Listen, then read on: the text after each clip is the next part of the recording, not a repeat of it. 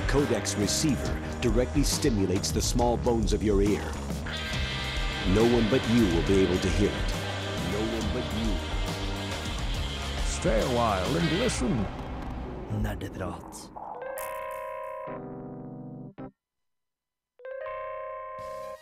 Velkommen til Nerdeprat. Eh, sann. Velkommen til en ny Nerdeprat hvor vi har en eh, gammel programleder som er litt eh, rusten på det hele. Mitt navn er Bård Astad, og jeg er dagens programleder fordi at i dag ikke bare bare i dag så skal vi ha nerdequiz.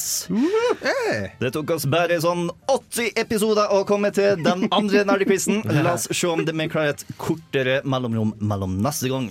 Men selvfølgelig, det er ikke noe vits at de står her nå og stiller spørsmål hvis det er ingen som kan komme med svar. Så i dag har jeg tre stramme, kjekke menn med meg i eh, studio som skal prøve å svare så best de kan. Vi har Hans Ystanes. Vi har Torben Dahl. Hyggelig å være her. Og sistmann, ikke minst, Jens Erik Våler. Ikke minst, men kanskje eldst. Kanskje helst. For eh, vi to er i byen for eh, det som heter H-helg. Oh yes, Husfolkets helg under uka, eh, da oss gamle karer kommer tilbake. Og det er litt feil å kalle meg selv en gammel kar, for jeg har jo bare vært ute av studentmediene og hele liksom, samfunnet-greia i eh, halvannet år.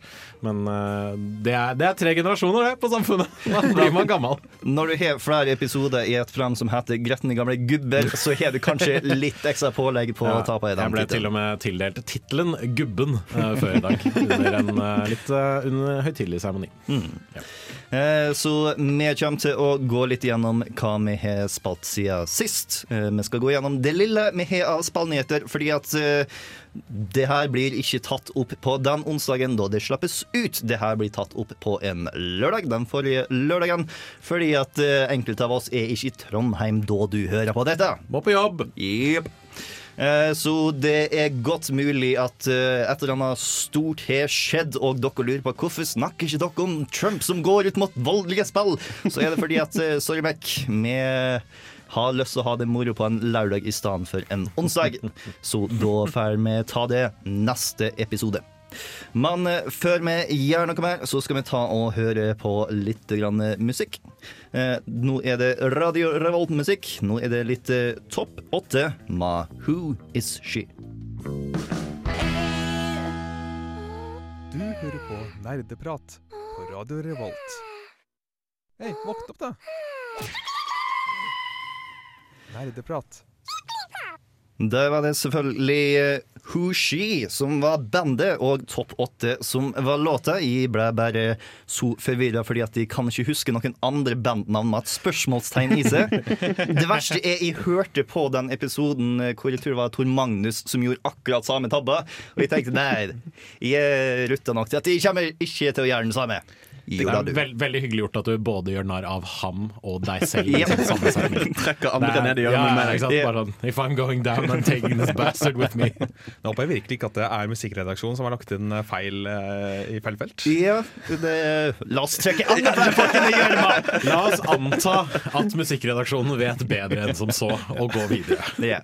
Uh, Men nå tar vi og kjærer litt uh, hva vi spalt spilt siden sist. Fordi at det er noe en god del måneder siden jeg sist var i studio. Uh, Jens Erik snakka vel ikke så altfor masse om hva du har spilt siden sist på sist program. Uh, det ble lite grann. Det ble litt, grann, men jeg mistenker at du har mer å si. Ja. Uh, Og Torben har helt klart å spilt litt et spill som jeg gjerne også skulle spilt. Hvilket er det, Torben? Super Mario Odyssey! Yeah. Er det bra? Det er dritbra! Ja, jeg har også spilt det. Oh, nice, da har vi, kan vi føle litt diskusjon. Hvor masse har dere spilt av spillet? Um, jeg er vel sånn fire-fem timer inn. Jeg har kommet til mitt den fjerde verden. Jeg har samlet 50 av de der månedene. Uh, det er visstnok 500 totalt i hele jævla spillet. Uh, månedene, for de som ikke vet det, i Super Mario Odyssey er det som før var stjerner i Super Mario 64 og Super Mario uh, um, mm. Galaxy og de greiene der. Samtidig så er det på en måte ikke så mye verdt, kan du si. Eller det er på en måte litt mer lavterskel å finne en. Ja, du kan veldig, eh, veldig. åpne en eh, eske, og der ligger det en uh, Ja, Power okay. Moon. Okay. Er, eh, de, har gjort, de har rett og slett gjort eh, De har tatt Mario, så har de åpnet verdenene veldig. Og liksom det er blitt et slags sandkassespill, rett og slett. Da. Og eh, der du tidligere, f.eks. i Super Mario 64, du hoppet inn i et maleri, du fikk et brett foran deg, du valgte liksom OK, jeg skal se etter denne ene stjerna. Her er de bare, disse månene er bare strøtt overalt, så du finner dem på de, på de merkeligste steder.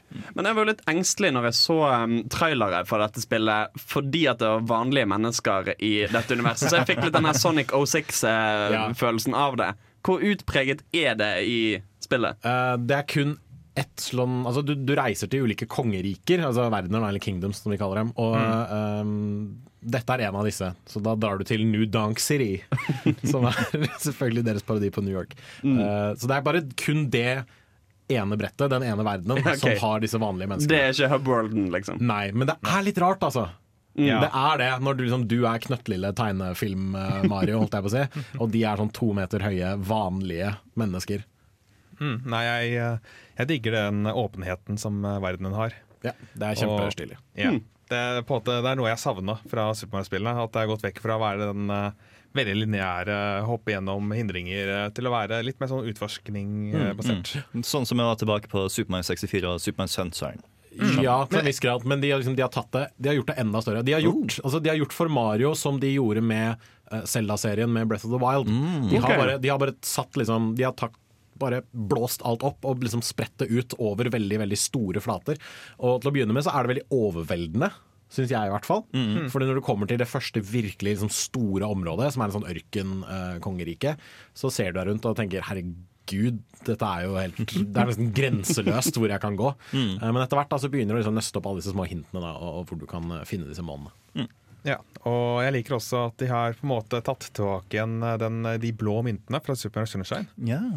I format av at du har eh, lilla mynter, som er på en måte lokale for eh, hver enkelt, eh, hver, enkelt kongerike. Mm. Som uh, du kan samle inn. Det tror jeg er en hund... Det varierer litt hvor mange som er per Ja. nivå. Mm. Men de er på en måte på prissett uh, forhåndsdefinerte steder. Mm. Sånn at du kan faktisk samle alle, som jeg har gjort i ett av kongerikene. Jesus. Jeg mangler, jeg, mangler, jeg mangler tre i det der aller aller første stedet du kommer til. Det der Cappy Kingdom. Der mangler jeg tre mynter. Jeg kan pokker meg ikke finne det. Så dersom det er noen som tar og kjøper seg en Switch nå i morgen, og har muligheten til å både spille Zelda og Mario, hvilken er det jeg burde eh, starte med? Altså, det kommer an på hva du liker, tenker jeg, da. Um, jeg ville nok begynt med Mario, og så gått over til Selda. Selv det er på en måte litt dypere, i den forstand at eh, du må Ja. litt lenger inn i uh, innlevelsen. Og Mm. det er en måte ikke like lett å plukke opp og spille, Ja, det, er en, det, er en, det er en større kurve på en måte for å komme inn i ting i Selda. Mens i uh, Odyssey, det øyeblikket du trykker på start, så er det en to minutter introvideo, og så pang er du ute og begynner å spille. Det er, liksom, det er så kort tid det tar da, før du er i gang. Men eh, Super Mario Odyssey nå også introdusere en del nye mekanikker. Eh, sånn som det å kaste hatten inn og hoppe på den, og det å kaste hatten inn på noe og ta deg over. Ja. Skjer det relativt tidlig i spillet, eller? Nesten med en gang. Ok, Ja. Så eh, hva er det morsomste dere har fått tatt over? Uh, en svær T-rex. Det, det skjer også nesten med en gang. Det er sånn okay. typ, de første den første halvtimen. så ja. møter du en sovende T-rex bare sånn Hm, kan jeg Ja, det kan det. Så det er ikke oppe i historien at du skal gjøre det, det bare gir det veldig klart muligheten. Ja, det er veldig sånn derre Her, se på denne tingen, prøv. Se hva som skjer. Eh, så det, det, de legger veldig opp til det, da, men det er ikke, det er ikke tungt, holdt jeg på å si. Eh, jeg, jeg vil si at jeg fortsatt er relativt tidlig, men eh, altså, det aller meste kan du kaste den der hatten på og få noe ut av det. Det eneste er de, de kan ikke ha en hatt på seg fra før. Ja. Mm. Det eneste, men noen ganger så kan du kaste hatten på dem, og så mister de hatten sin. Og så kan du kaste hatten en gang til, og da kan du ta den over. Jeg tror også noe av det særeste var en svær sånn stabel med goombar, sånn ti goombar oppå Å, ja. hverandre. Fordi da måtte, jeg, da måtte jeg hoppe veldig høyt og liksom slå hatten av han øverste, og så måtte jeg komme opp dit igjen. Og så da kunne jeg, da jeg hadde den stabelen, så kunne jeg hoppe på enda en goomba, stable den høyere og høyere og høyere. Og høyere Og dermed uh, gå den bort til en plattform. Hoppe, og så hoppe Mario ut av denne stabelen med Goomba, sånn at jeg fant plattformen på toppen og kunne hente den der månen som lå øverst. Så det er mye, det er mye spennende som, som skjer der. Det høres ut som at de får bare mer og mer grunner til å plukke meg opp en eh, er- Nintendo Switch. Ja, det er veldig Det er et utrolig stilig Mario-spill. Og det er gøy å se at de tar det Altså Jeg hadde håpet på et Galaxy 3, fordi jeg digger Galaxy-spillene. Men det er bare Dette føles som en veldig naturlig progresjon av de liksom, tredimensjonale, kall det mainline Mario-spillene. da Typ 64, Sunshine, Galaxy og nå Odyssey. Ja. Eh, Vi kommer til å komme tilbake for å snakke litt mer om hva vi har spilt siden sist. Denne gangen her, og nå tenker jeg passe ekstra godt på at de får det riktig, skal vi få bandet Sauropod Sauropod? Sauropod. Sauropod på Ma Never On Time. Nerdeprat på Radio Revolt.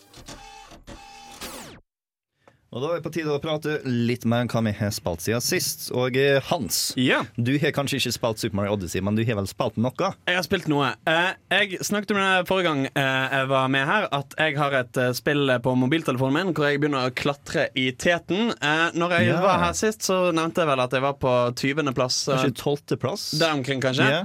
Jeg er på pallen. Uh, Jeg er på tre, tredjeplass på verdensbasis. Nice. uh, første, førsteplassen er 600 poeng unna. Nå tar det jo riktignok fem-seks minutter å få et eneste poeng i dette spillet.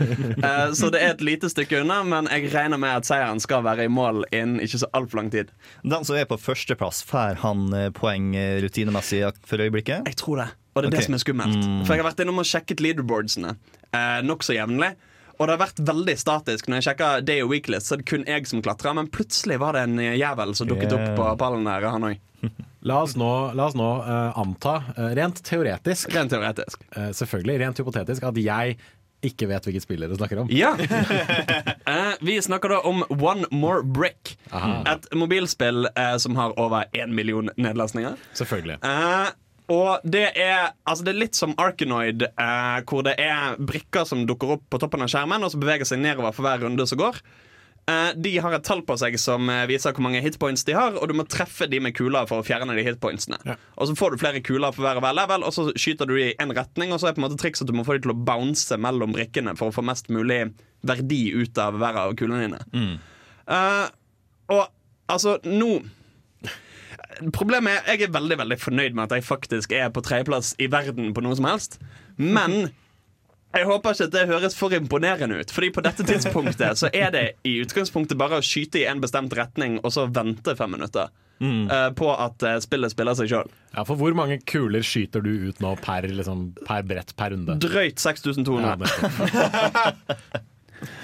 Eh, men jeg har ikke kun spilt eh, One More Break i det siste. Jeg har også vært så nerdete at jeg har spilt litt Dungeons and Dragons. Ja visst. Vi var en gjeng, eh, noen folk jeg bor med, og et par andre, som bestemte seg fuck it. Vi tar og nerder litt. Så vi fikk tak i noen terninger, lastet Kjøpte helt lovlig eh, noe, noe bøker. Og så spilte vi Dungeons and Dragons, og det var kjempegøy. Ja, så gøy. uh, vi har så vidt uh, Vibor var på hyttetur en gang og spilte um, Star Wars Edge of the Empire. Riktig. Og det var dødsgøy, men siden det har jeg egentlig aldri prøvd noe særlig sånn pen and paper-rollespill. Så da tenkte vi bare vi gir det et forsøk. Og det var jo litt sånn, altså Ingen av oss hadde spesielt mye erfaring, så det var litt sånn vi fant ut av det sammen eh, mens vi gikk. Veien ble til mens vi gikk, osv. Mm. Men det var dødsgøy. Vi koste oss masse. Mm. Hvilken eh, versjon av Dungeons Dragons er det på Uh? Femteutgave. Ja, det, den skal være mest streamlina og eh, Jeg har fått inntrykk av det. Eh, og jeg har hørt masse på podkasten til McElroy-brødrene, uh, The Adventure Zone. Ja. Eh, som for øvrig nettopp avsluttet uh, første arken sin. Og det er jævla katartisk uh, avslutning på den. Uh, så jeg har på en måte litt sånn holdt på å si second hand kjennskap til sånn grovt sett hvordan det fungerer, selv om de ofte sløyfer litt regler for jokes. Eh, nå mener jeg ikke å stjele din eh, thunder, men jeg har Oi. også begynt å smått eh, lefle med pen and paper. Uh, Nå føler jeg du stjeler Thunderen mitt litt. Beklager. Uh, Tross alt, klassen hans er Thunder Thief, så Oh, yes. Eh, men lettere inspirert av uh, McElroy-brødrene og The Adventure Zone, så har jeg selv startet en podkast sammen med noen jeg kjenner som heter Rollesprell. Å, så Eh, gøy! Der vi, eh, der vi eh, spiller eh, rollespill som er mm, langt enklere da enn Dungeons and Dragons. Det er litt sånn terningrulling, men, eh, men stort sett veldig enkle ting. Så vi, hadde, vi, har, vi har tre episoder som skal komme ut i løpet av eh, oktober-november. eh, basert litt sånn lettere basert på Star Trek, med rollespillsystemet Lasers and Feelings. Eh, uh, satt til uh, romskipet Nansen, som er da et uh, norsk romskip eh, som skal ut på sånn her oppdagelsesferd i, i universet. Og Vi har også begynt på en ny, ny sesong nå, som vi har eh, valgt å kalle NIFS. Der vi har skapt en slags eh, norsk utgave av Men in Black, som passer på, passer på alle fabeldyrene og eventyrvesenene. Eh, hvor jeg spiller en eh, 19 år gammel datahacker og konspirasjonsteoretiker. Som uh, ennå ikke er kommet til stemmeskifte. Dette er kjempegøy. Ja, mm. veldig moro. Yeah.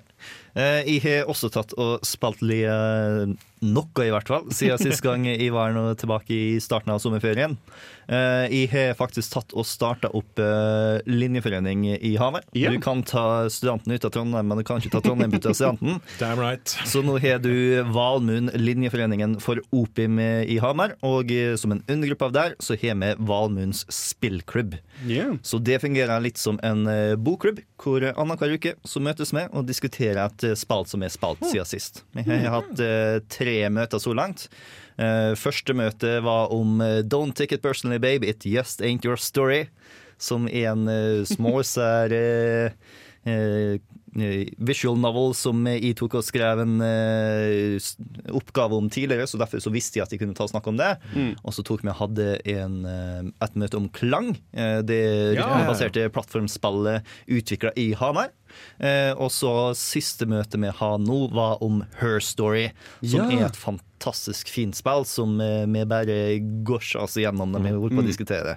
Og eh, siden det er halloween, så skal vi inn, eh, ikke nå mandag, men neste mandag, ha spilt eh, første biten av Vampire the Masquerade Bloodlines.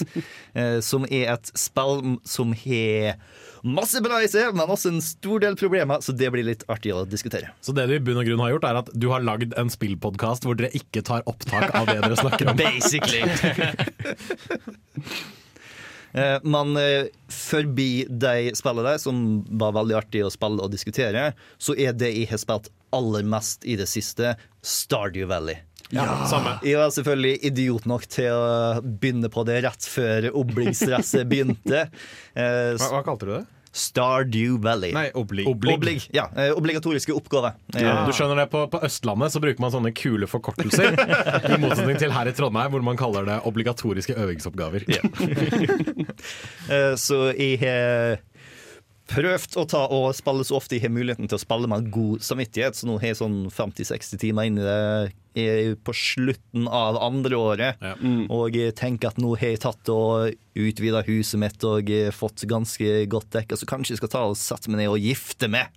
Ja. Så eh, jeg står litt imellom eh, to forskjellige eh, Nå husker jeg ikke så godt navnet på deg. Eh, Hun rødhettekunstneren er hun Lia, tror jeg hun heter. ja, eh, hun vurderer jeg. Og så er hun eh, eh, vitenskapelige nurse. eh, Maru. Ja, for Ja. Jeg, jeg liker familien hennes, så da har jeg lyst på deg som svigerfamilie. Nei, nei.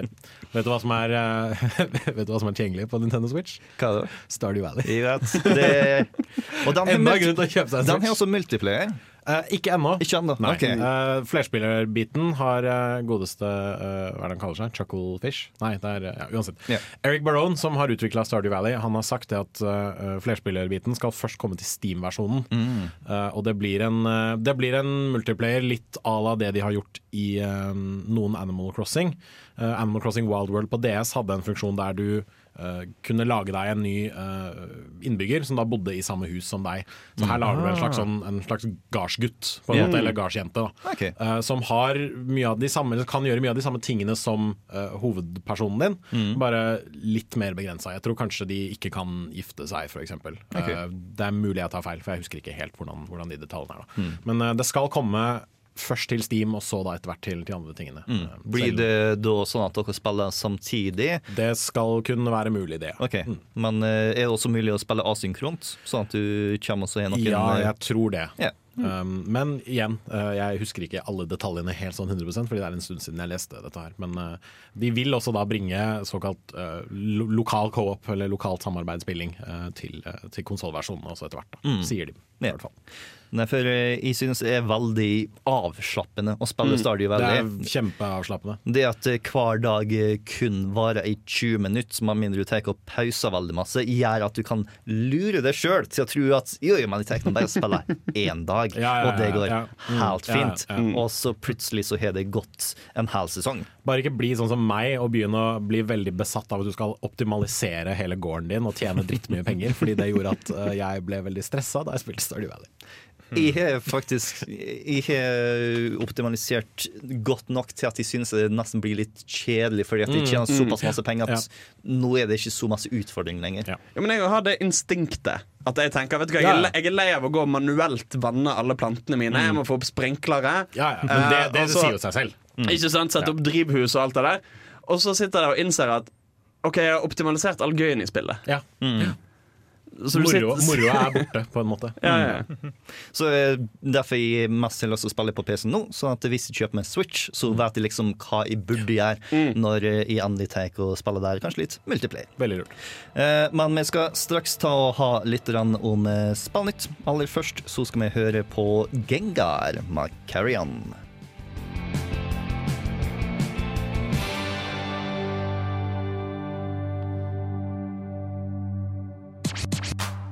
Nerd, nerd, nerде, nerdenytt. Ja, da er det tid for Nerdenytt. Eh, Og i dag så er det Torben som er vår nyhetskorrespondent. Eh, Yes. Som tidligere nevnt i sendinga, vi spiller inn på en lørdag, så det er ikke all verdens som har skjedd i løpet av de siste par dagene. Men det er vel forhåpentligvis noe, Torben. Ja, det har skjedd eh, noen ting. Det er store selskaper som har stoppet ting. Ganger to. Oi. Og så er det en, eh, et eh, spill som kanskje ikke er så etterlengtet, men det har fått dato. Gøy. Så jeg tenkte vi kan eh, starte med Vi kan kanskje starte med det som har fått dato. Det er nemlig et spill med navn Metal Gear Survive. Yeah. Ah, det det der, ja. I en sånn brøkdel sekund så var jeg sånn Oh my god! Oh.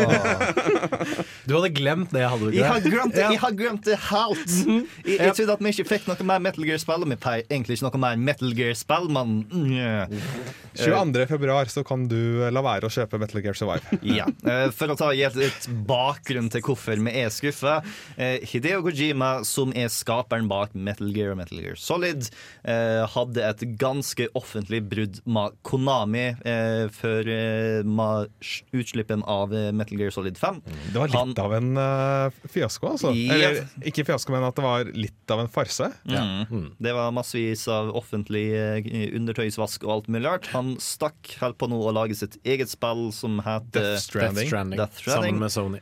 Eh, og Konami eier IP-en til Metal Gear, så de tenker sånn som Konami tenker med alle IP-er. Det er ikke viktig med skaperne. Så lang tid navnet er kjent, så vil folk kjøpe spillet.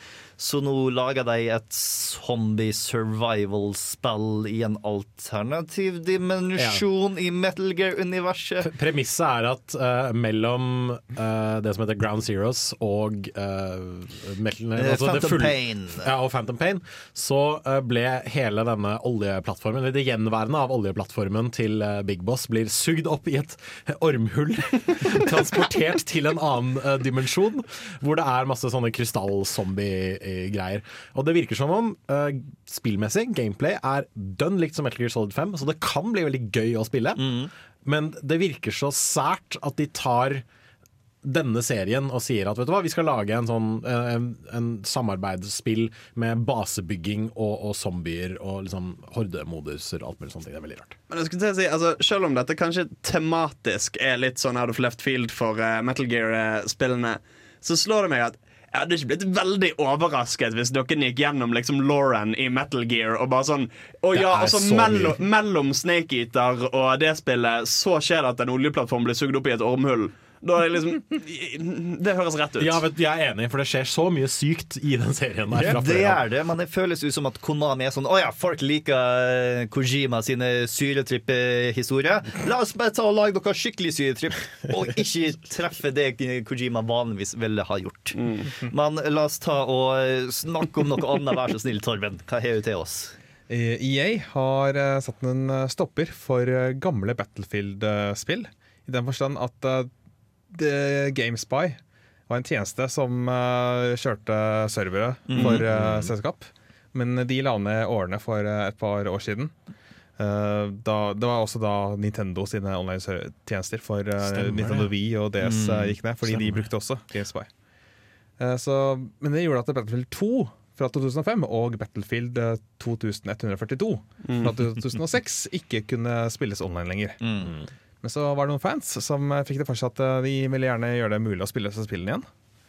Og eh, lagde også en modifisert klient, versjon av klienten som EA eh, eh, brukte for å kunne snakke med sine egne servere. Og, men de har nå fått beskjed fra EA at hei, veldig kul ting dere gjør sånn. Vi, vi, kjenner, vi, vi har sympati for den nostalgien, men dere, bruk, dere bryter noen av våre rettigheter, og vi er dessverre nødt til å si nei til dere. Altså, jeg, jeg skulle ønske at de samarbeida litt mer, fordi at det det ender opp med å bety, er at nå så forsvinner de spillene så så helt, med mindre du tar og med det sånn 64 kompiser med på et LAN. Altså Det er jo bare jævla sånn corporate bullshit. Det er bare sånn her eh, Nei, dere får ikke lov å leke med mine leker, selv om jeg ikke bruker de. Altså Det er jo ikke snakk om at de kommer til å tape noe penger her. Det er jo snakk om at folk gjør gratis en tjeneste de ikke har lyst til å gjøre lenger. Det har rett og slett med beskyttelse av eh, opphavsrettet eh, Altså opphavsberettig Altså opphavsbeskyttet materiale. Jo, men Hvilken skade gjør det? Du som er i bransjen, Jens Erik. Altså Nå stiller du spørsmålet jeg strengt tatt ikke kan svare på. Men det, altså, sånn det, er det, er, den- det er den samme grunnen til at Nintendo driver og stopper alle sånne fanprosjekter uh, rundt uh, remakes av spillene deres og den type ting. Det er rett og slett for at de må altså, De må jo bare si at dette her er, dette er vårt. Vi må dessverre be dere om å, Jo, men det er fordi vi, vi eier det, og dere får strengt tatt ikke Jo, men det er fortsatt bullshit. Ja, det- altså, ja, men det, altså, jeg kan være så enig Hadde jeg eh, kunnet noe om juss, så hadde jeg jo, jo. argumentert bedre. Men jeg kan være fullstendig enig i at de har lov til å gjøre det. Men det er fortsatt bullshit eh, ting- at de gjør det. Tingen er at Hvis de ikke gjør det, så kan noen andre som eh, bryter samme rettighetene seinere, peke på eh, det, dette eksempelet og si at hei, de brøt det, dere har laget presedens for at dere har på en måte ikke beskyttet merkevaren godt nok. Og, så de er derfor nødt til å, til å slå ned på disse her for at de ikke skal komme tilbake og ødelegge for dem. Men de kan gi dem et sånn lite seal of approval. Det kunne gjort, men eh, det spørs da hvor Ja, de, er, de kunne gjort det, kanskje. Altså, da er det jo da er det opp til firmaet i seg selv å bestemme hva som er på en måte berettiget, og hva som ikke er berettiget. Og hvor altså, mange ressurser skal bruke på det. Ja, det er det, da. Ja, men det er nettopp det, De trenger ikke bruke noen ressurser på det. Fordi dette gjør nerder de jo, gratis. det må jo sannsynligvis være altså Det må i hvert fall være en person eller to som holder kontakt med, disse, det, med dette fanprosjektet, og passer på at det Ja, ja. holder seg innenfor visse Og rammer. og den EA ting. har fuckings råd til ett dags uh, årsverk som jobber med dette. Altså, man vet aldri. Altså. Men uh, det viser jo igjen at uh, spill er ganske utsatt når det kommer til uh, presse ja, det å bevare det for mm, senere generasjoner. Du kan ikke spille disse spillene her sånn som det var en gang i tida. Men uh, det er, jeg har en nyhet til. Apropos andre ting som er dødt! uh, Microsoft har stoppet produksjon av Kinect. Å nei!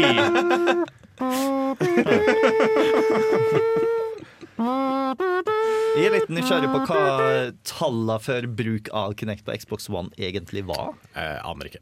Eh, Det vet jeg ikke om noen har, fordi du har eh, tall som sier at eh, det skal ha solgt ca. 35 millioner eksemplarer. Men hvor mange konsoll Altså, fordi det, det ble jo pakka med i Ja, konsollen. Ja, sånn. Nettopp! At vi vet ikke hvor mange av dem som har støvet i boksen å komme. Ja, nettopp. Ja. Den ble jo solgt med Xbox One da den først kom ut. Og så tok de Det var ikke før eh, det har gått litt tid at de kutt, la, lanserte en eh, boks hvor du kunne få Xbox One uten Kinect til en lavere pris. Og da begynte Xbox One å selge. Fordi gjett hva, folk ville ikke ha en svær sånn plastikkdings som står foran eller oppå TV-en sin, som du skal rope 'kjør Netflix!' til. i Sånn. Ja, Som i tillegg spionerte på deg, Ja, eller hva ja. det var for noe bullshit Ja, ja, ja. de liksom framstilte det. Alltid på. Ja, altså Ja. Det var et ganske problematisk produkt, men det som var litt av ideen med å putte det i samme boks som Xboxen, er at da kunne du ta og sette spillutvikleren alle sammen er en Kinect. Du Mm. kan trygt lage Kinect-spill med det i tankene. Og så kom ikke de Kinect-spillene i hele tatt. si. Og da Hvor mange jævla utviklere var det som tenkte Yes! Nå kan vi endelig bruke denne teknologien? Ikke mange, tror jeg. Nei. Dessverre. Ja, de har jo også fjernet uh, Kinect-navigering fra hovedmenyen på Xbox One uh, i, eh, Stemmer det. før den tid. Fordi rett og slett med den begrunnelsen at det var ikke noen som brukte det. Nei, nei. Vi får ta og håpe på at vi får litt bedre nyheter på neste episode, da vi har ekstra masse nyheter. Ja, ja. Eh, fram til det så skal vi ta og snakke litt om Nerdquiz. Etter at vi har hørt på bandet Svalestup med låten 'Nonchalant'. Her på Nerdeprat, spillmagasinet på Radio Revolt. Vil du ut, vil du se om det finnes et bedre sted?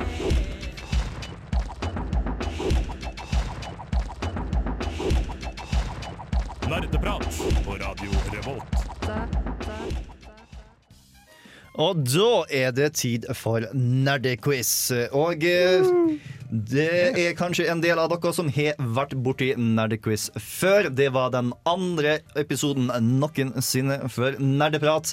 Men siden det er 80 episoder siden, så er det kanskje noen av dere som ikke er så kjent med det. Uh, ideen er at jeg har litt for masse fritid på hendene mine og liker å lure folk, så jeg har laga en hel haug med forskjellige kategorier uh, hvor jeg prøver å utfordre folk til å tenke litt utafor boksen. Eh, vi kommer til å ha kategorien Rated M for Mystery, hvor vi tar dere får presentert ESRB sin uh, forklaring på hvorfor et spill fikk en aldersgrense. Og kun basert på det så skal dere vite hvilken tittel det er. Vi har hjelp. Vi oversatte til norsk, hvor jeg har oversatt en spilltittel ikke så altfor direkte til norsk. Og til slutt så har vi Turistbyrået, eh, hvor jeg prøver å ta og være litt sånn selger, og ta og selge dere til forskjellige videospillsteder som dere kanskje har lyst til å reise til, men kanskje faktisk ikke så lyst til å reise til. Eh, Jeg drar på en eh, månedlig spillquiz nede i Oslo, arrangert av tidligere spilljournalist Jon Cato Lorentzen. Og alle disse kategoriene er akkurat den type ting han kunne funnet på for den quizen. Så eh, du, du, du tråkker opp i riktige spor her, mm. Bård. Det gjør du. For jeg kanskje se om jeg ikke får kjøpt meg togbilletten ned til en sånn quiz en gang i tida, jeg også. Det er, Første, hver første tirsdag i måneden. nice. Hamar er bare én time unna, ikke sant? Det er to timer nærmere. Ah. Ja. Det er to timer og sånn ca. 200 kroner unna. Så det, det svir litt å reise til Oslo, men eh, Ja. jeg tenker meg i hvert fall nå i midten av november så er det signering med Don Rosa på Outland. og da Stemmer har jeg lyst til å ta turen innom der. Jeg tror, ikke, Don Rosa. Han jeg tror ikke er, det er på en eh, tirsdag, men hvis det er på en tirsdag, så skal jeg se om jeg ikke får eh, sneke meg inn på den quizen. Eh, men i hvert fall, det er fullt mulig for du der hjemme å også ta og delta på denne quizen. Det er bare å finne tak i litt eh, penn og papir eller noe annet å ta og skrive med. Eh, fordi at vi kommer til å gi deg de samme spørsmålene og samme informasjon som det du får. Og hvis du hører på podkast, så vil jeg også ta og si fra hvor masse betenkningstid de i studio får. Så hvis det er jeg sa på slutten at hei, du har to minutter med betenkningstid, så trykk på pause, vent deg to minutter, tenk litt ekstra, og så kan du eh, spille på igjen. Eh, og så får vi se om eh, du gjør det bedre eller verre enn deg i studio. Eh, så eh, før vi tar og eh, hopper inn på eh, den aller første eh, ja, Kategorien. første kategorien, eh, så skal vi ta og høre litt på musikk. Yeah. Fra Super Mario Odyssey. Den har du funnet, Torben. Ja. Dette, det som slår meg med låta, er at den hadde noen referanser til Super Mario 64. Så det syns jeg var kult.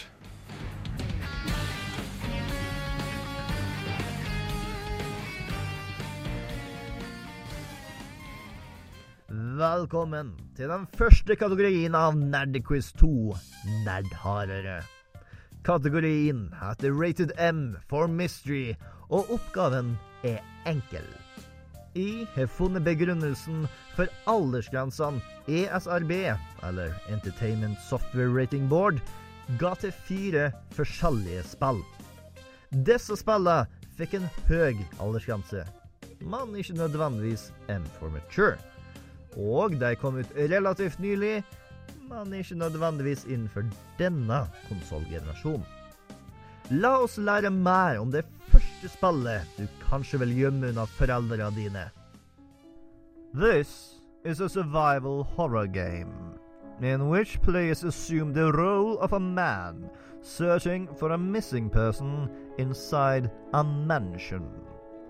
From a first person perspective, players explore the environment and use pistols, shotguns, flamethrowers, explosives, and chainsaws to kill mutant creatures. Combat is accompanied by realistic gunfire, screams of pain, and exaggerated blood splatter effects. As players progress through the story, cutscenes can depict instances of gore and intense acts of violence. A character's arm dismembered by a chainsaw. A man's leg taken off at a knee with a shovel. A character impaled through the face with a shovel. Some areas also depict mutilated corpses with exposed organs and viscera.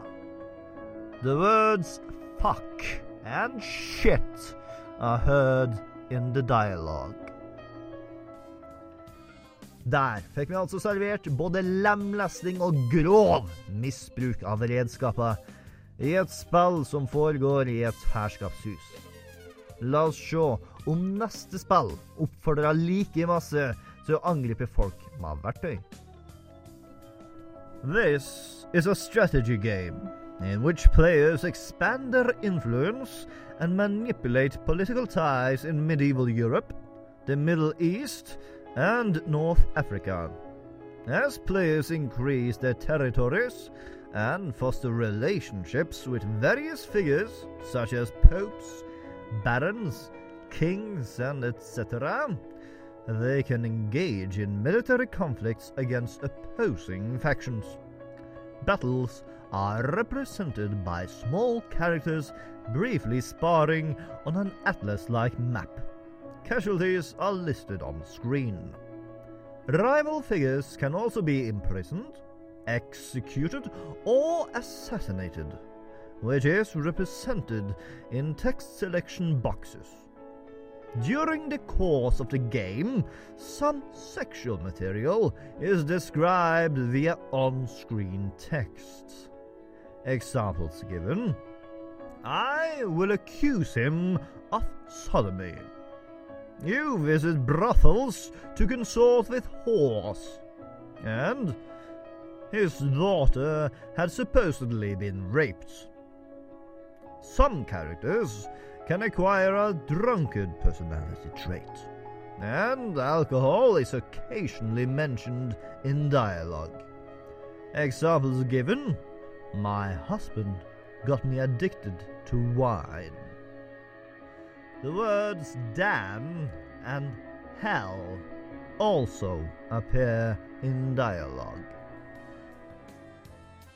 Det virker som at når du ser verden fra et stort nok perspektiv, så er ikke blodet du spiller like tydelig. Men det betyr ikke at bestemor ville vært like fornøyd med valgene dine i det spillet. I hvert fall ikke om du henretter paven. Men blir hun like skuffa over neste spill? This is a first person shooter in which players join an international task force trying to restore peace to the world. Players use a variety of firearms. Examples given pistols, machine guns, arrows, and futuristic weapons such as laser blasters to attack enemies in team combat objectives. Combat is frantic with realistic gunfire, cries of pain, and explosions. Splashes of blood briefly appear with each successful hit. One character is depicted smoking a cigar. Jeg begynner å bli redd for at jeg blir påvirket av disse aldersgrensebeskrivelsene. Før du vet ordet av det, så har jeg lyst på sigarer, lasergevær og fred på jorda. Nei, huff. La oss gå til siste beskrivelse. This is a role-playing game in which players assume the role of a warrior battling evil forces in different dimensions. Characters use swords, axes, hammers, and magic attacks to kill fantastical creatures. Examples given demons, monsters, dwarfs, and humans in melee style combat. Cutscenes sometimes depict characters impaled or getting their throats slit. Violent sequences are often highlighted by cries of pain, gurgling or gushing sounds, and large blood splatter effects. Blood remains on the ground in several environments. The game also includes some sexual material. A female character briefly depicted in front of a man's torso. Fellatio is implied. Characters depicted topless or with exposed buttocks while lying in bed or after sex. Some dialogue referencing sex or sexuality. Examples given I will bring myself to sexual pleasure later, while thinking about this with great respect. And the way your tits bounce when I pin your arms and take you on the side of the bed. The words fuck, shit, and asshole appear in dialogue. Og der fikk vi avslutta med pupper, rumpe og blod fra alle slags dimensjoner og fantastiske skapninger. Jeg håper at dere forstår hvorfor dere skal vente til dere er litt eldre med å spille disse spillene. Men dere skal ikke vente mer enn fire minutter med å identifisere dem, mens vi passende nok hører på Violent Games av Polika.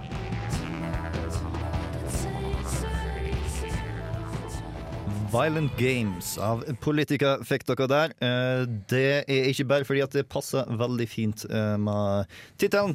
Jeg kan også unnskylde meg med å ta seg at jeg kommer fra Need for Speed Most Wanted. Men det er mest en unnskyldning. Jeg tok det for tittelen. OK. Eh, Jeg kan også ta og nevne at lydkvaliteten på de to første kategoriene er ikke like god som du er vant til ellers, fordi at de tok jo opp hjemme i Hamar.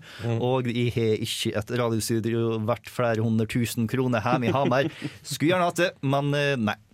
Eh, Men vi skal ta og snakke litt om eh, spill gjemt bak en aldersgrense. For dere har fått utlevert fire forskjellige. Det er ett poeng for hvert riktig svar. Skulle ingen av dere ha et riktig svar, og en av dere klarer å komme på det før jeg sier hva det er, så er den første som sier det, får poenget. Samme for dere der hjemme. Hvis dere kommer på svaret før noen i studio sier det, dere får poenget. Eh, Så de ringer inn. Altså, du, jeg sa det faktisk før Jens Erik. Det du skal få lov til å kontakte oss på nerdeprat.radiorevolt.no. Bare forklare at du slo egentlig Jens Erik. Eh, Men er det noen som har forslag til det første spillet vårt, Survival Horror? Jeg har. Um, og jeg hadde først skrevet ned noe jeg visste var feil svar. Jeg tror kanskje jeg gjorde det bare for å liksom få hodet til å begynne å snurre litt. Mm. Og så, eh, for jeg, jeg hang meg veldig opp i den derre den- den- Det ble nevnt en herregård. Og da visste jeg liksom umiddelbart hva jeg skulle gå til, men jeg visste at uh, The Evil Within det ville være feil, for det foregår fra et førstepersonsperspektiv. Men det var liksom det umiddelbart første jeg kom på. Og så ble det litt masse blod og gøy for å være Luigi's Mansion. Ja, absolutt. og, og kanskje litt for mange pistoler og hagler og alt mulig sånne ting. Og så begynte jeg å kverne litt på noen av de andre spørsmålene, og så føler jeg at jeg klarte å, å banke den inn akkurat. Fordi jeg skulle ikke ha oversatt mansion til herregård. Uh, jeg skulle tenkt kanskje litt lenger, jeg skulle tenkt litt lenger tilbake i tid. Eh, til et spill i samme serie, hvor du faktisk utforsker en herregård, men fra et tredjepersonsperspektiv. Men da i det nyeste spillet i denne serien, så utforsker du en uh, Altså en gård-gård ute i sørstatene i USA. Eh, jeg eh, har skrevet Resident Evil 7. Det er helt riktig. Hva slags eh, svar hadde dere andre? Jeg hadde Resident Evil 7. Og Torben? Ikke Resident Evil 7. Ja. Har jeg noe annet? Jeg bare hang meg opp i den første biten der med en uh, mann som søker etter en person. Mm. Og så tenkte jeg umiddelbart eh, Last of Us. Men uh, så var det Mansion, og så kom jeg ikke på noe særlig. Jeg vet at Resident Evil foregår i sånne herregårder, Mm. Nettopp. men jeg har ikke vært borti det nyeste, og jeg visste ikke om det Ja. Altså, det er et svært hus, men herregård er ikke mest beskrivende. Fordi det er jo veldig, det er veldig falleferdig, og Mm. ting er råtna, og det er bare fælt og jævlig, det rett og er slett. Eh, og så kan vi ta gå videre til eh, spill nummer to, som var et strategispill. Er det noen som har noen tanker her? Altså, jeg sleit litt fordi at jeg spiller ikke noe særlig strategispill. Det er XCOM, og det er det, liksom. Eh, heldigvis så har jeg en kamerat som jeg bor med, som spiller veldig mye strategispill. Jan Markus Ja. Johannessen, eh, kameraten min fra Filmofil. Shout-out. Han har spilt en del av disse spillene, og da gjenstår det bare å snevre det inn. Hvilket av de var det? Fordi jeg grådig liker veldig mange av de. Eh, men han beskrev det som et atlas. Og da tenker jeg, greit, da er det ikke Siv, for der har du den der hexatile-greien. Så da er det sannsynligvis ikke det. Og så sto jeg mellom to spill. Uh, som jeg er, jeg er nesten helt sikker på at jeg har valgt riktig av de to. Eh, men det er to spill som er fryktelig like, som begge utgis av Firaxis. Tror Paradox heter Paradox, de. ja. Ja. spillene. Får jeg, får jeg gjette hvilke to du var inne på? For jeg var sikkert inne på nøyaktig det samme. Ja, Få høre hvilke to. Europa Universalis Ja. og Crusader Kings 2. Riktig. Yes. Og jeg skrev ned Crusader Kings 2. Crusader Kings 2 er helt riktig. Hvilken gikk du for, Jens Erik? Crusader Kings 2. Jeg skrev Crusader Kings. Det- Du får et halvt poeng for det. eh, og så eh, fikk vi en eh, first person shooter til. Eh, med en kar som røyka sigar og alt mulig rart. Eh, yeah. Eh, Har du et forslag der, Torben? Jeg foreslår at det er spill som jeg ikke har spilt så altfor mye av. Men det var førstepersonsskytespill, og det slo meg at det var ikke så veldig voldelig. Det var litt eh, blodsplatter i akkurat idet folk ble truffet. Men eh, ellers så var det ikke noe særlig uh, gørr og mm, blodflekker. Så jeg lurer på om det kanskje kan være Overwatch. Overwatch er helt riktig. Oi sann! Hadde du ikke den? Nei! Jens Erik, å, hva var du valgte? Å, Herregud, jeg, jeg hang meg altfor mye opp i at det var et at det var et skytespill, et first person shooter. Så Først så skrev jeg uh, Call of Duty Infinite Warfare. Okay. Og så visste jeg at nei, det stemte ikke helt. Og så var det sånn Kanskje det er Wolfenstein? Altså, det nyeste Wolfenstein, så, strøk jeg det også.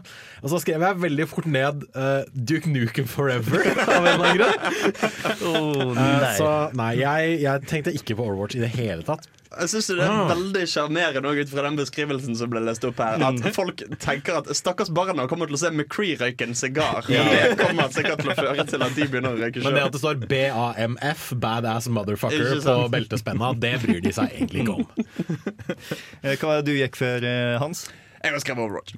Det er jo ikke Får vi se om du får tatt inn igjen på det fjerde spillet i Jens Erik. Jeg håper det. Eh, Det var et rollespill. Ja, og der er det veldig mye å ta av. Ja.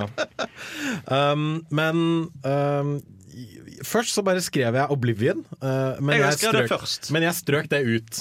Fordi etter hvert som beskrivelsene kom, så tenkte jeg at nei, vet du hva, dette her er ikke Oblivion. Dette er ikke Skyrim heller. For det var, en, det var en artig blanding av ting.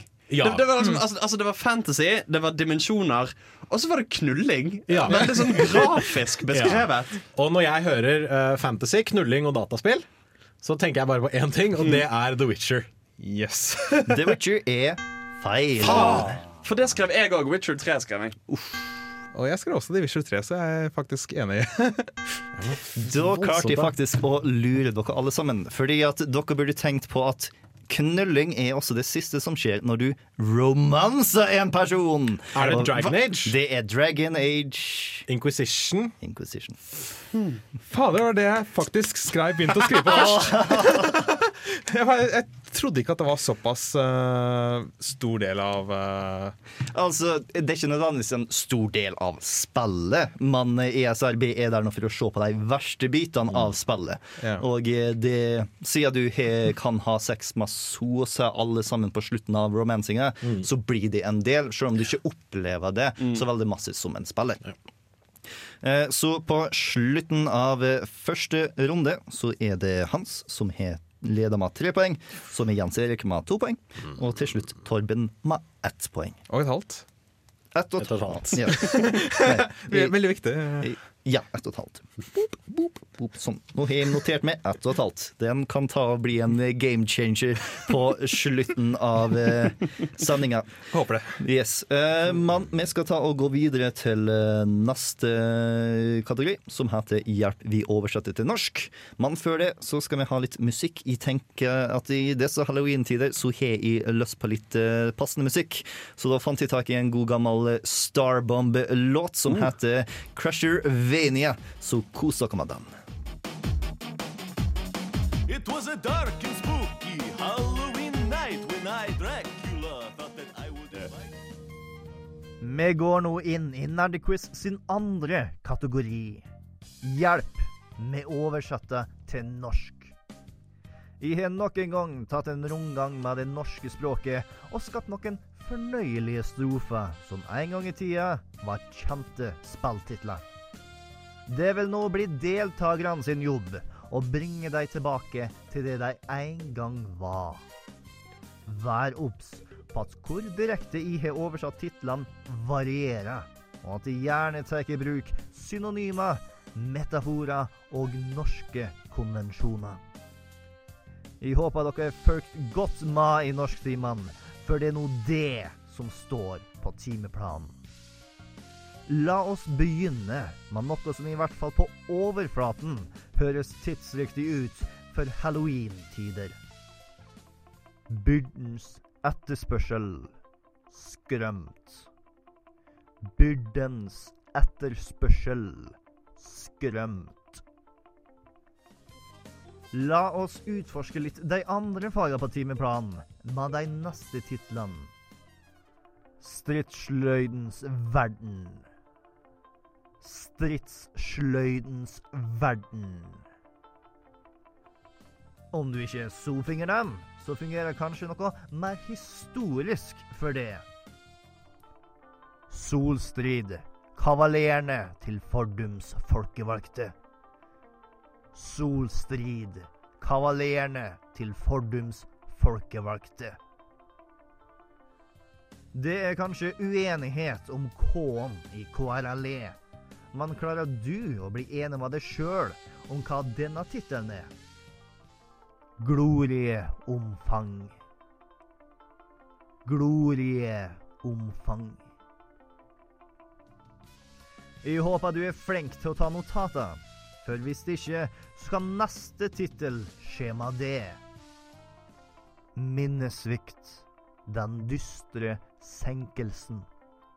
Minnesvikt. Den dystre senkelsen. Og skulle du dele lapper i timen, så vil du kanskje være kjent med neste tittel. Apøyas fortrolighet. Apøyas fortrolighet. La oss nå hoppe i den dype enden med en liten syretripp. Blodpumperike fallengden til drømmer. Blodpumperike fallengden til drømmer. Og vi avslutter med et nummer du kanskje ikke helt kjenner igjen ifra barndomshelgene dine. 815 642 64 815 642 64 Jeg håper du ikke sovna under timen min. Om du gjorde det, så skal du få litt sovemusikk fra Insane in the Rain Music og DJ Cutman. Og for dere som hører på podkast, og vil ta en pause under låten Rosalinas Comet Observatory, så kan dere la podkasten stå på pause i tre minutter.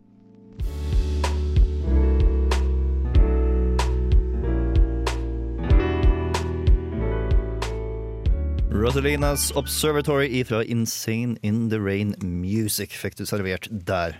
Det var rett etter at du fikk åtte forskjellige strofer som en gang i tida var spilltitler, som jeg nå skal prøve å finne ut om de i studio har fått Jeg hater riktig. deg litt nå, Bård. Jeg altså.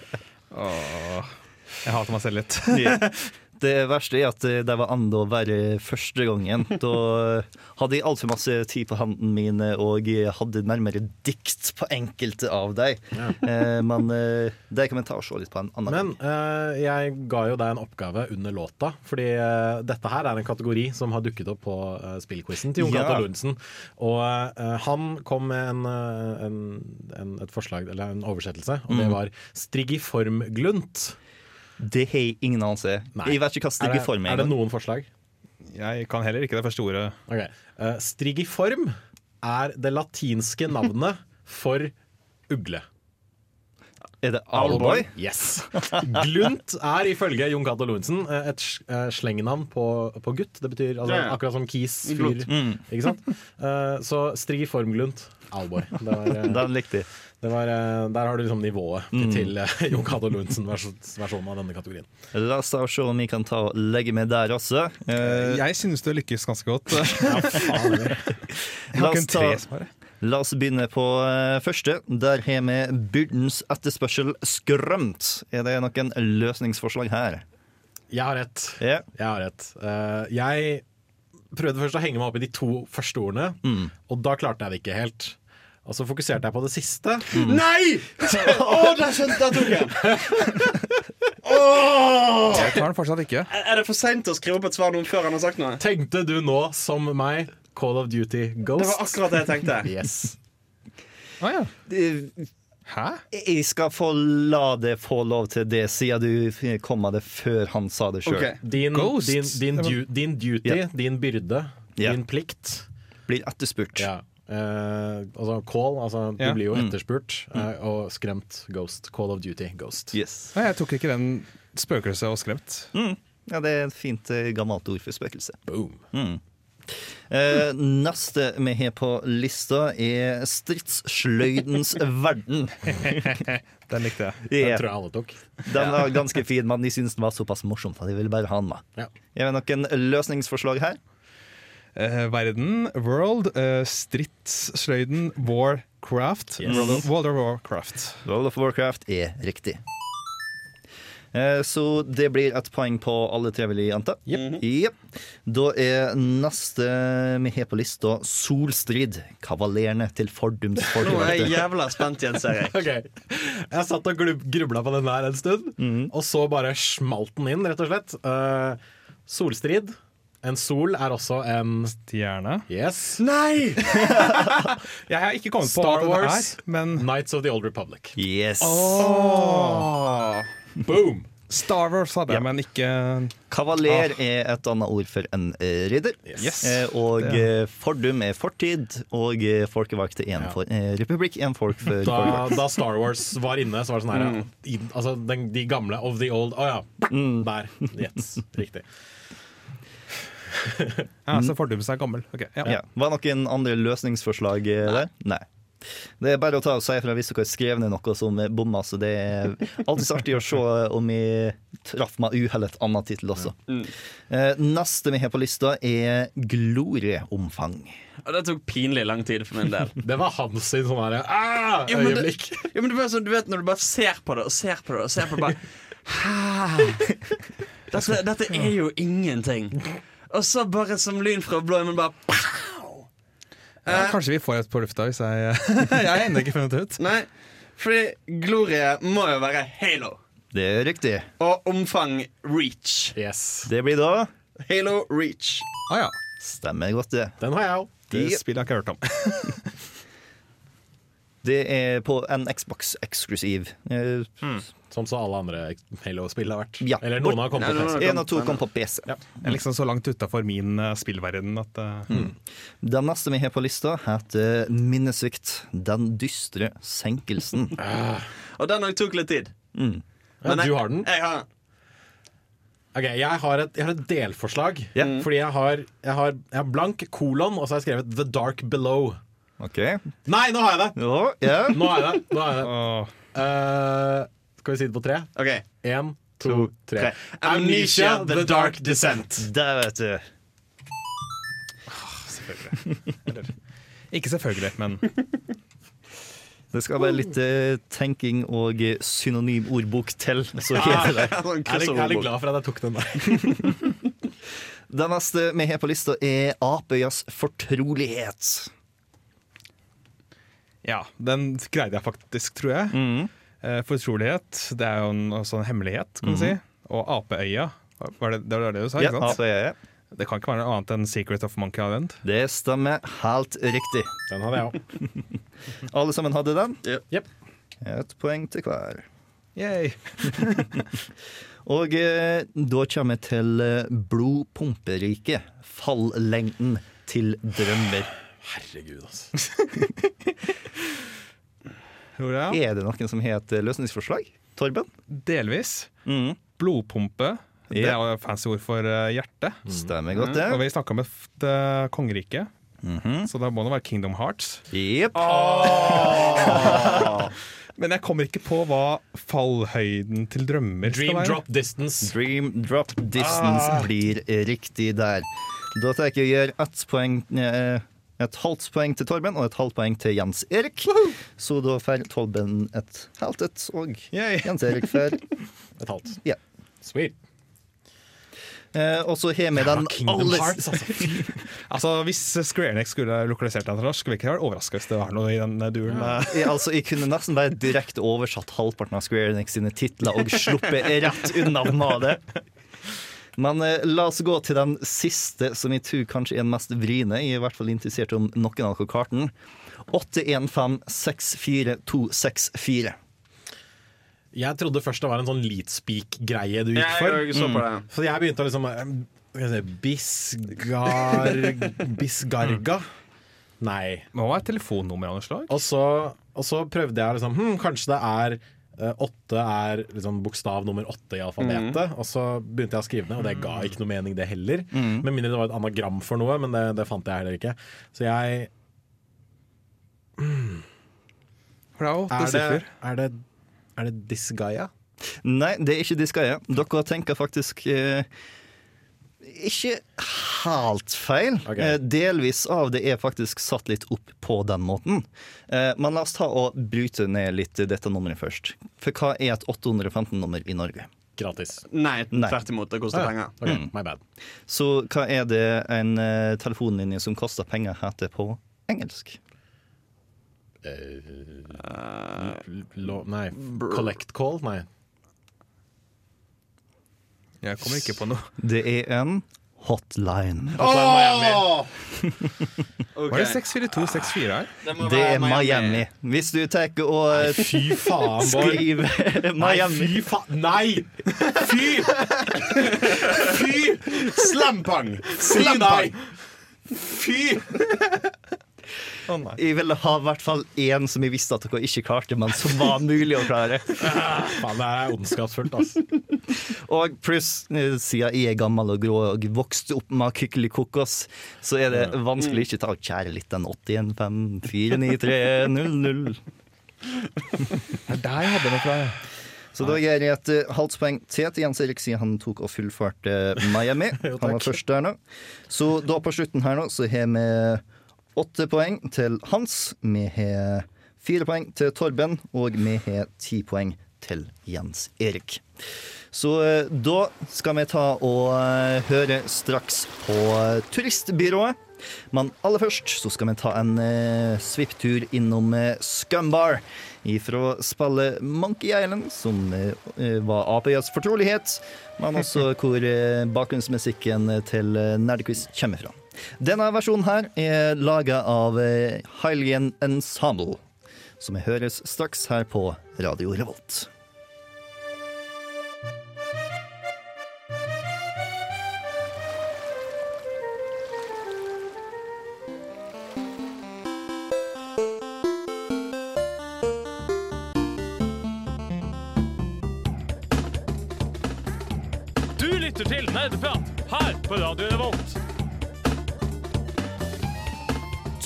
Har nå kommet til den tredje og siste kategorien for denne gang. Turistbyrået. Dere vil nå bli presentert med fire forskjellige reisedestinasjoner som har blitt fremstilt i et eh, til tider bedre lys enn de fortjener. Det er deres jobb å finne ut hvor dere ville endt opp dersom dere hadde kjøpt en billett til disse destinasjonene. Dere vil få ett poeng for stedsnavnet og ett poeng for spillet du må spille for å faktisk ta turen innom. Om du har lyst til å ta et avbrekk ifra den moderne hverdagens kjas og mas, så bør du dra til vår første destinasjon. En hyggelig, liten bygd med overraskende mange muligheter. I selve bygden kan du finne annet et museum og et trivelig utested. Og i området rundt så kan du slappe av på stranda, ta en tur på fjellet, eller plukke bær og frukter i skogsområdet rundt. Og du kan besøke plassen uansett tid på året og finne noe kulturelt å gjøre. Det holdes en festival nesten annenhver uke i denne landsbyen. Men du har kanskje heller lyst til å holde deg til ett enkelt bygg i stedet for. Da kan vi anbefale vår andre destinasjon. I denne villaen har du de fleste fasilitetene en kan ha behov for. Sånn som bibliotek, kunstgalleri, bar og gartneri. Og ikke vær redd for å ommøblere litt for å få deg sjøl til å føle deg hjemme. Det er faktisk en nødvendighet å både flytte møbler og kombinere pyntegjenstander for å oppleve alle rommene huset har å tilby. Og om du er redd for at ting kan bli litt dødt, så kan jeg fortelle deg at det finnes mange spennende dyr og folk i området som vil gjøre oppholdet uforglemmelig. Dersom du har lyst på en mer urban opplevelse, så vil den tredje destinasjonen kanskje falle mer i smak. Det passer seg ypperlig for de som er på sykkelferie, eller som liker å reise med dyr. Om du har lyst til å gjøre et godt kjøp, så har denne byen det største kjøpesenteret i området. Vi kan også informere om at kvinnesporten står ganske godt til i byen, sjøl selv om dette tiltrekker noen mer lugubre type. Det lokale næringslivet har til slutt bedt oss om å oppfordre dere til å la plakatene deres vare i fred. Skulle du ha lyst til å besøke en plass utenfor allfartsvei, så kan du stikke innom vår fjerde og siste destinasjon.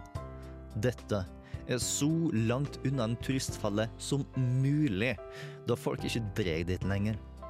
Men de lokale innbyggerne er svært imøtekommende og vil ikke nøle med å omfavne det. Takket være byens kreative parkeringssystem, så passer det seg ypperlig for de som liker en bilferie. For den beste omvisningen av byen, så vil jeg anbefale deg å finne den religiøse minoriteten i byen. Da vil du forlate byen med en varm latter. Og med det så er vår reise over. Jeg håper du har fått notert ned stedsnavnene og spilltitlene du kjente igjen. Om du trenger litt mer betenkningstid, så skal du få to og et halvt minutt til. Mens vi drar på en heisatur sammen med Danny Baranowski til sone 3, level 2 hot. Fra musikksporet til Crypt of the Necrodancer.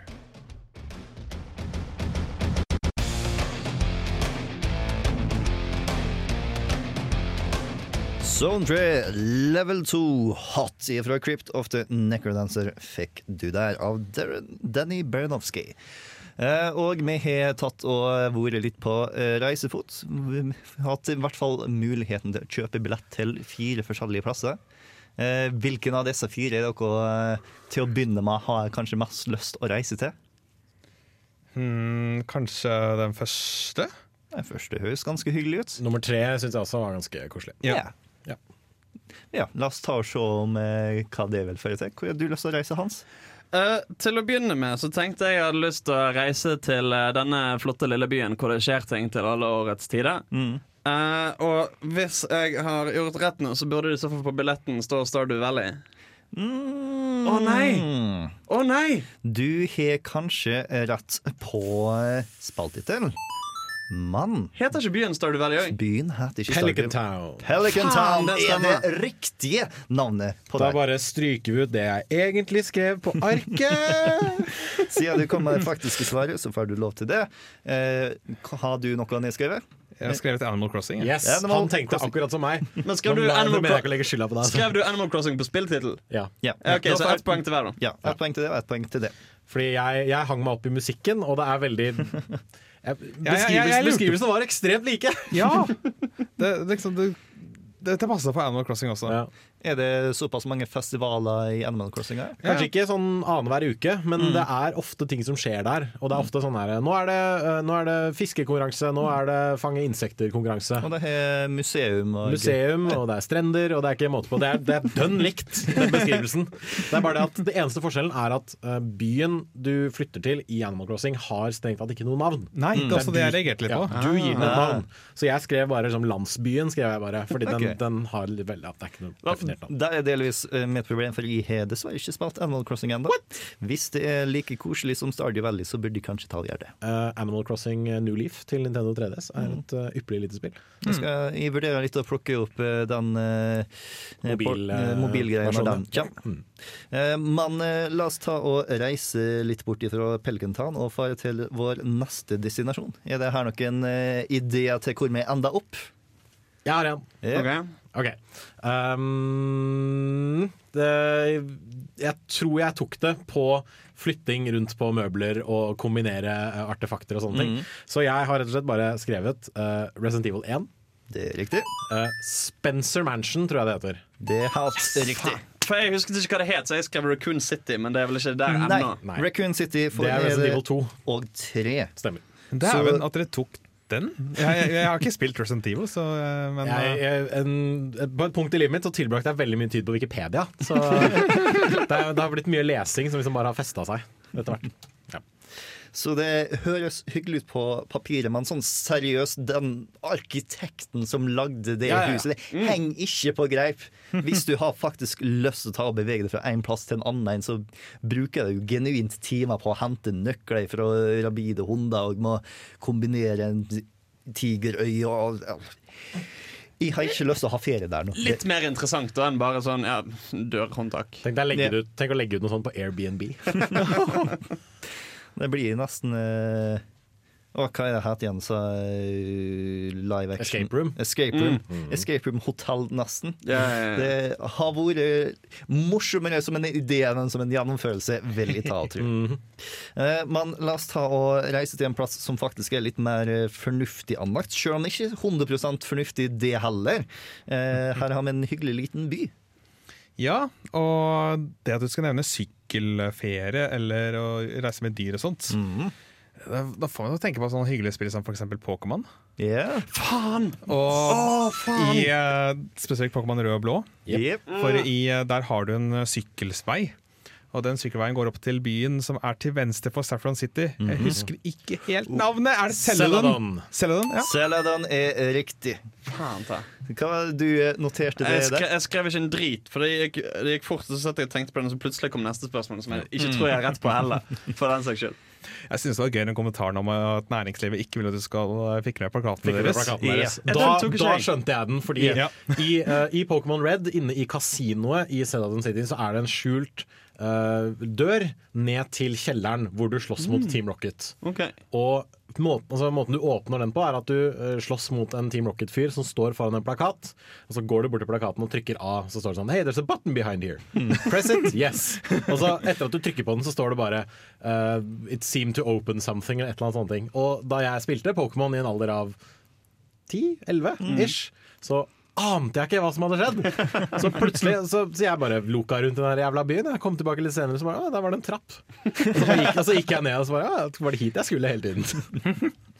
Og eh, referansen til kvinnesporten er da til uh, Gym- gymlederen, som kun er kvinne. Og eh, den lugubre typen er han karen som er rett utafor og sikler over om kvinnen. Det er Og det som ikke er fornuftig ja.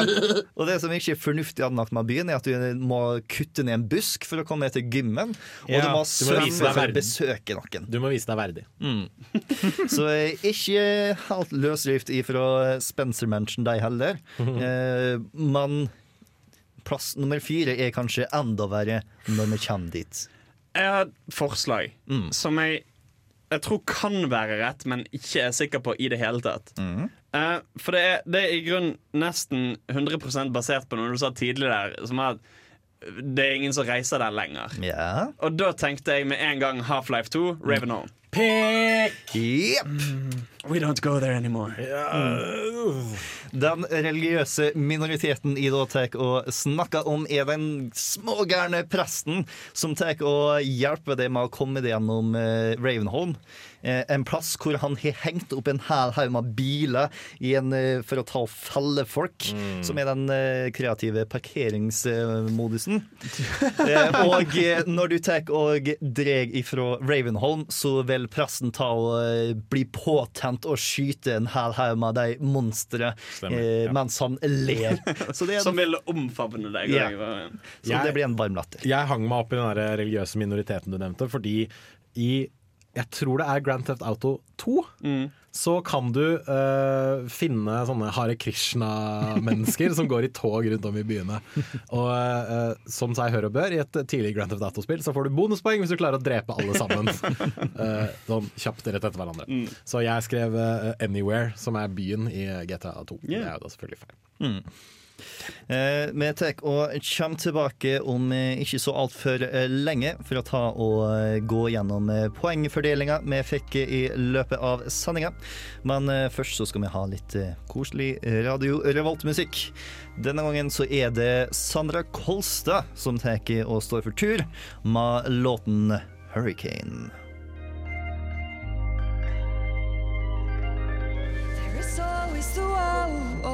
Water for all the wildflowers to grow. There is always a new war.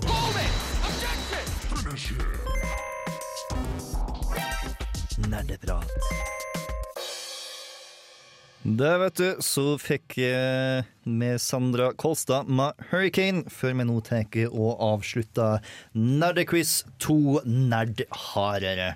Eh, hvor vi har gått gjennom tre forskjellige kategorier, og folk har opparbeidet seg poeng. Jeg håper at du eh, førte dine egne poeng der hjemme, for jeg har kun eh, oversikt over Hans, Torben og Jens Erik. Uh, jeg tror ikke det er så mange som er overraska over at Torben kom sist. Uh, Torben var ganske forberedt på det, egentlig, men uh, så tok jeg også litt mer enn bare Nintendo-spill, og da har du litt handikap. Hadde de Ja. tatt kun Nintendo-spill, så skal jeg ikke se bort ifra at Torben har kommet på toppen da. Litt musikkspørsmål og sånn. Mm, Ja, det- ikke sant. Eh, han har seks poeng, eh, og eh, de to andre ligger litt framfor. Den ene har tolv poeng, den andre har 14 poeng. Eh, så det skulle bare å huske på et Pokémon-spill eller en spilltittel litt tidligere, så har ting vært annerledes. For nå har det seg sånn at det er Hans som er på andreplass med tolv poeng, og Jens Erik som er på første med 14. Så gratulerer. Tusen takk. Hva vinner jeg? Eh, heder og ære. Det er ingen som kan Ja, ta men det ifra det. betaler ikke regningene mine. Jeg trenger noe mer enn heder og ære. Bård kan betale alle regningene dine. Vet du hva, det, hadde, det hadde vært veldig greit. Det Hvis Bård kunne betale studielånet mitt, f.eks. Ja, men eh, nei. Så vi får se om vi ikke får fikse en nerdequiz litt tidligere enn eh, 80 episoder frem i tid. Jeg håper på at vi kan ha Du har holdt telling, altså.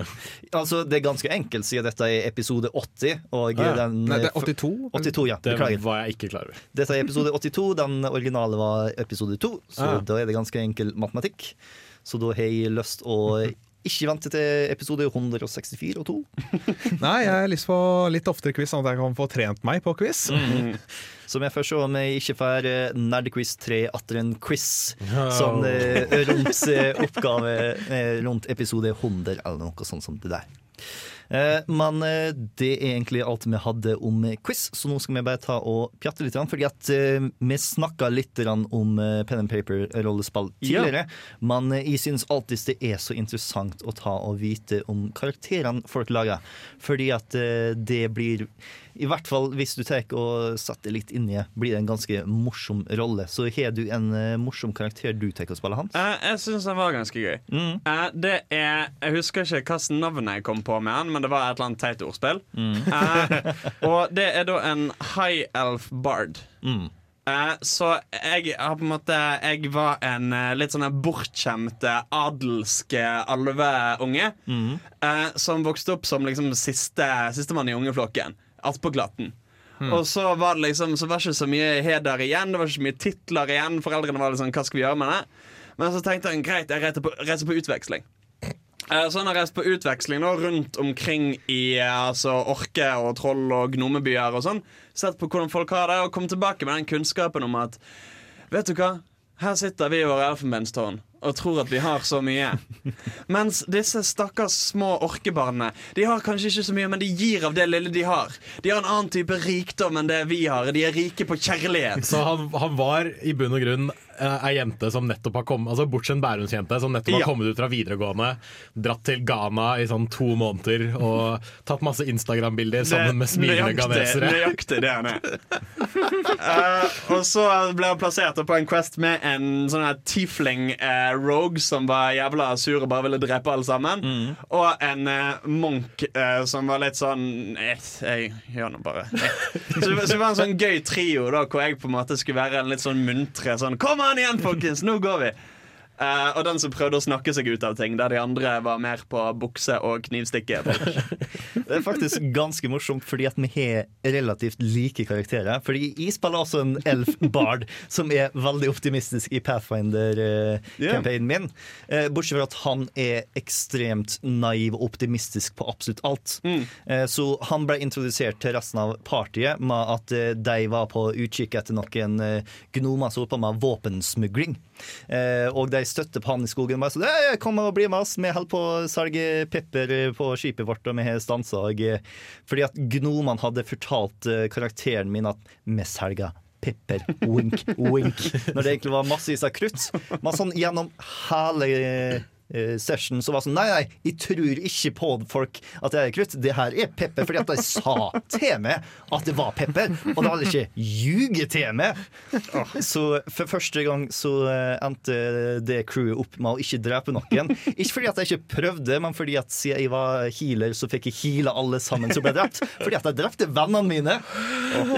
Vi må ha en crossover-campaign hvor vi kan møtes. For jeg tror Yes. vi hadde kommet godt overens. Eh, Og på sist session så for meg til en veldig eh, dirty bar hvor det hele tida er slåsskamper. Mellom to forskjellige barer. Eh, Og karakteren min bestemte seg for at ok, nei, nå tar jeg og setter meg ned med en av dem, og så tar jeg og bare overtale dem om at den beste måten å ta og eh, løse problemene sine, er kommunikasjon. Mm. Og hvis du absolutt vil gjøre noe fysisk, så tar du ikke slåss. Da har du en dance-off. og han fikk faktisk overtalt barn baren han var i, til at nei, nei, nei, nå tar vi en dance-off. og så begynte de å dance-off, og de på den andre baren var helt ræva på dance-off. Så de bare slo det i trynet på han som prøvde å danse, og det ble en slagsmål likevel. Han ble svært skuffa. Kila de som ble skada, selvfølgelig, men svært skuffa. Men vi tar og begynner å gå eh, litt om for tid. Eh, Jeg håper at du kan ta og gå inn på iTunes og ta og finne tak i nerdeprat der, fordi at eh, vi har alltids lyst til å ta og erobre verden. Mm. Og det gjør vi ikke hvis folk ikke vet om oss, så hvis du går inn dit, gir oss en eh, femstjerners eh, anmeldelse, så vil vi ta og stige litt i gradene. Det er selvfølgelig lov til å gi oss mindre enn det, men eh, hvis du ikke synes at vi fortjener en femstjerners anmeldelse, så har jeg mest lyst at du heller sender en mail til nerdeprat og fortelle oss hvordan vi kan bli et bedre podkast for det. Som de så berømt sier i Radioresepsjonen. Har du eh, ros, si det til andre. Har Mm. du ris, Si det til oss. Ja. Eh, og vi er selvfølgelig på Facebook, hvor du kan ta og holde det oppdatert på Nerdprat, selvfølgelig. Eh, så det er bare å like oss der. Eh, er det noen som vet eh, hva neste ukes episode kommer til å handle om? Nei, ikke helt. Nei. Så det kommer til å bli spennende. Vi har ekstra masse nyheter. Det vet vi for sikkert. Da har vi en og en halv uke hvert med nyheter, og så blir det annet mysteriepodkast som følger.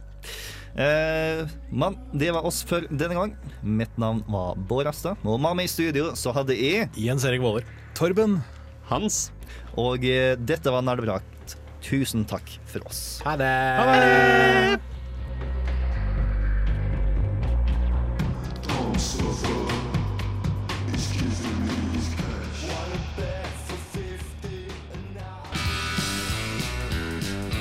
Du lyttet nettopp til en podkast fra Radio Revolt. For å høre flere av våre podkaster, gå inn på radiorevolt.no.